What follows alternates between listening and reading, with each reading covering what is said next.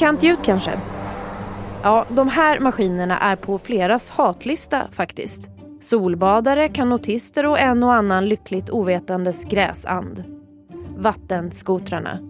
Med 300 hästkrafter och flera hundra kilos vikt susar de fram. På senare år har de här leksakerna rört upp känslor. Det har blivit populärt att både köpa och hyra vattenskotrar och ha lite kul på vattnet. Och med den här nya trenden har såklart olyckor kommit som ett brev på posten. Och långt ifrån alla är medvetna om hur mycket kraft som faktiskt ryms i vattenskotrarna. För det går sannerligen undan. Det är inte ovanligt att se skotrarna fara fram i 50 knop nära folk som badar. Och det motsvarar ungefär 90 kilometer i timmen. Och även djurlivet vid stränderna påverkas av den nya flugan. Det har varit en fråga ett bra tag nu och både lokalpolitiker, miljövänner, badgäster och intresseorganisationer har gett sig in i debatten. Och det händer saker på regelfronten. Sen 1 juli i år har polisen rätt att ge böter till vattenskoterförare på plats. Mindre byråkrati och konsekvenser på en gång alltså. Hur stor skillnad gör det här? Vad skulle ett förarbevis göra för skillnad? Och varför måste nöjesåkandet regleras så in i detalj? Lite skoj kan man väl få ha, eller? Det här handlar dagens Aftonbladet Daily om. Jag heter Amanda Hemberg Lind. Vi ska prata med Johan Skogfält, sjöpolis i Stockholm. Han åker runt längs Stockholms vatten och håller koll på sjölivet. Han får börja med att beskriva hur stort problemet med buskörande vattenskoterförare egentligen är. Problemet med vattenskotrarna och deras framfart är ett, jag skulle nog säga ett ganska stort problem i Stockholm. Eh, jag kan bara prata för Stockholm för det är det upptagningsområde som, som jag jobbar i. Men Eh, Eh, vi får ju dagligen in en mängd samtal med allmänhet som är riktigt irriterade på hur vissa vattenskotrar framförs. Eh, främst Stockholms innerstad, men vi har även andra, eh, andra mindre hamnar som Dalarö, Norrtälje, Södertälje.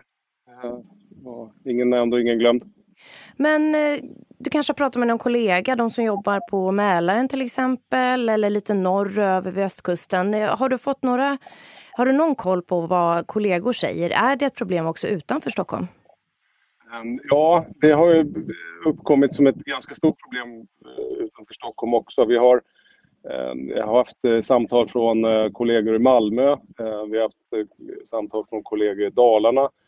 Just i dagarna har vi faktiskt en, en ribbåt med personal från Stockholm som har åkt upp till, kört till Falun i två dagar Eh, jobbat mot problematiken där och eh, nu fredag, lördag är på väg upp till Mora. Eh, ska köra mot vattenskoterproblematiken där också. Så det är ett stort problem i hela landet skulle jag nästan säga. Och de här nya reglerna då? Hur stor skillnad kommer de göra bedömer du? Det är väldigt nytt nu men vilken skillnad gör de? Det är inga nya regler. Det enda som är skillnaden just nu från den 1 juli är att polisen ges möjlighet att ge böter plats för störande onödig körning. Um, och uh, om det kommer göra någon skillnad ska jag nog låta vara osagt utan det är ett, mer ett verktyg till för polisen i verktygslådan att kunna, kunna ge böter på plats och kunna agera där och då. Så det, det är den möjligheten som, som ges oss. Men du är positiv till det? Um, ja, det, är ju, det förenklar ju vårt arbete avsevärt, inte minst administrativt. Uh, sen är det den stora skillnaden förutom det administrativa, det är att vi, eh, som jag sa, att vi kan ge böter i handen på plats, ungefär som en fortkörningsböter. Så, så får man böterna där och då och inte via, via en åklagare och sju månader senare. Utan vi kan agera där och då, så det är bra. Hur många, eller har du hunnit bötfälla någon? Eh, personligen har jag inte hunnit bötfälla någon. Eh, men vi har utfärdat tre stycken böter på den här störande onödiga körningen än så länge. Men det ska bli fint väder i helgen så att, eh, det är väl inte de sista vi ser i år inte. Så du är redo att eh, langa fram lappen om det behövs? Ja, eh, det här är ju ytterligare ett, ett bötesbrott som vi, kan, som vi kan utföra på plats. Det absolut vanligaste bötesbrottet är ju hastighetsöverträdelse. Som där vi mäter med, med laser eller efterföljande med båt. Och, och där kommer vi fortsätta precis som, precis som tidigare. Utan det här störande onödiga körningen är ju när vi inte har mätning på hastighet och det inte riktigt uppnår till vårdslöshet i sjötrafik. Det hamnar ju någonstans däremellan då. Och då kan vi efter eh, polismans bedömning skriva ut de här böterna.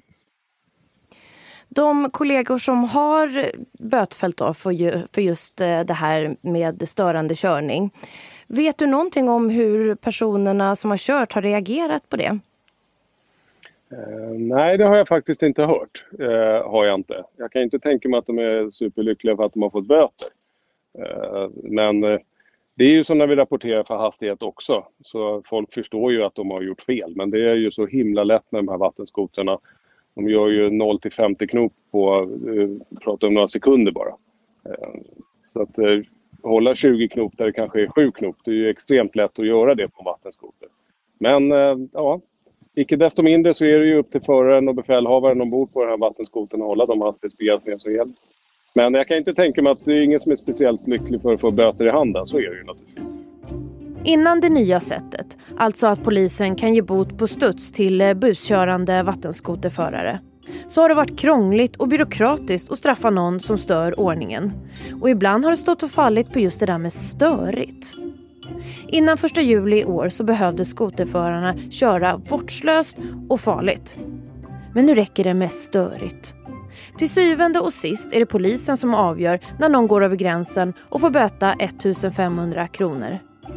Och att spela musik högt som bara den och terrorisera grannskapet, det ingår också här bland det förargelseväckande beteendet. Störiga människor som spelar för hög musik kan nu också bötfällas på en gång. Men tillbaka till vattenskotrarna som väcker reaktioner från allt från badgäster, lokalpolitiker och djurvänner. Men finns det en risk att agitationen tar över och blir utan proportioner? Det finns väl fler som kör illa, som fritidsbåtar till exempel? Vi ska höra sjöpolis Johan Skogfält igen. Eh, det finns absolut fritidsbåtar som kör illa. Eh, de håller inte de här hastigheterna eh, normalt, om man säger lite större båtar och så. Men ehm, ja, jag kan hålla med lite grann om att eh, diskussionen har tagit lite överhand över nästan över problematiken. Så hur ser reglerna ut just nu då för att få köra vattenskoter? Jo, man måste ha fyllt 15 år, man måste följa hastighetsbegränsningen, så får man bara köra på vissa ställen. I naturreservat till exempel, där en ovanlig fågel häckar, det är en dum idé som kan straffa sig. Och från och med kommande vår, i maj, så kommer det krävas ett slags körkort för att få köra vattenskoter. Och det kanske behövs eftersom det visat sig att det inte är de mest sjövana personerna som sätter sig på dem. Eh, vi har hållit på med den här problematiken nu i 8-9 år. Och eh, visst, det har blivit fler vattenskotrar men eh, kunskapen om hur man beter sig på sjön den har inte blivit bättre. Det har den absolut inte. Nu till nästa år så, så ska det införas ett vattenskoterkörkort. Och där tycker jag eh, att det är olyckligt att körkortet hamnar på en viss farkost, i det här fallet vattenskoter. Det skulle kunna hamna på snabbgående båtar överlag. Um, för att om du är 14 år eller över 15 år och saknar körkort till nästa sommar, då får du inte köra vattenskoter. Men det är helt okej okay att hoppa in i en ribbåt som är 7 meter lång och gör 50 knop. Det, det, får du göra. Och där tycker jag att lagstiftningen hamnar lite snett.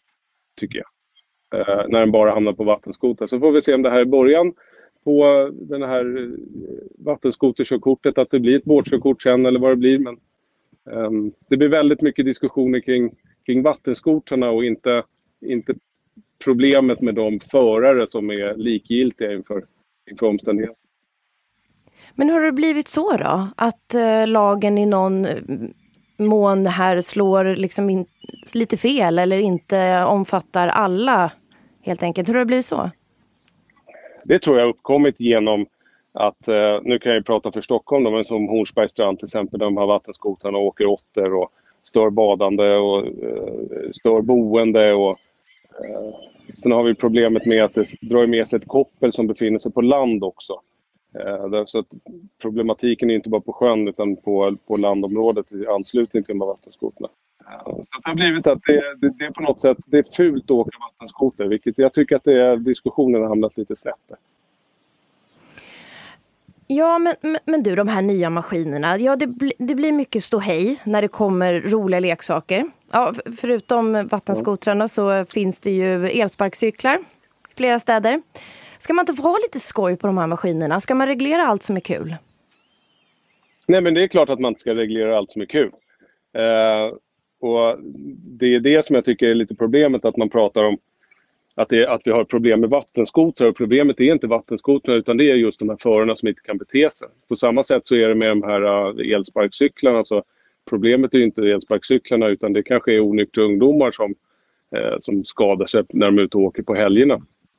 Eh, så diskussionen hamnar lite snett men samtidigt så förstår jag att den hamnar där den gör. Jag har inte testat att åka vattenskoter men jag vet att polisen har några stycken som man använder i tjänsten. Har du åkt eh, vattenskoter själv i tjänsten eller privat? Um, ja, privat har jag väl åkt en gång på när man var utomlands för tio år sedan. Uh, men i tjänsten åker vi väldigt mycket vattenskoter. Gör vi. Uh, I princip dagligen när det är, när det är finare väder. Uh, och det är ett jättebra, det är ett jättebra hjälpmedel. Att köra ikapp andra vattenskotrar eller vi eh, använder dem väldigt mycket i sjöräddningsuppdrag för att man kommer väldigt snabbt fram i väldigt grunda områden. Eh, så att det är ett jättebra hjälpmedel.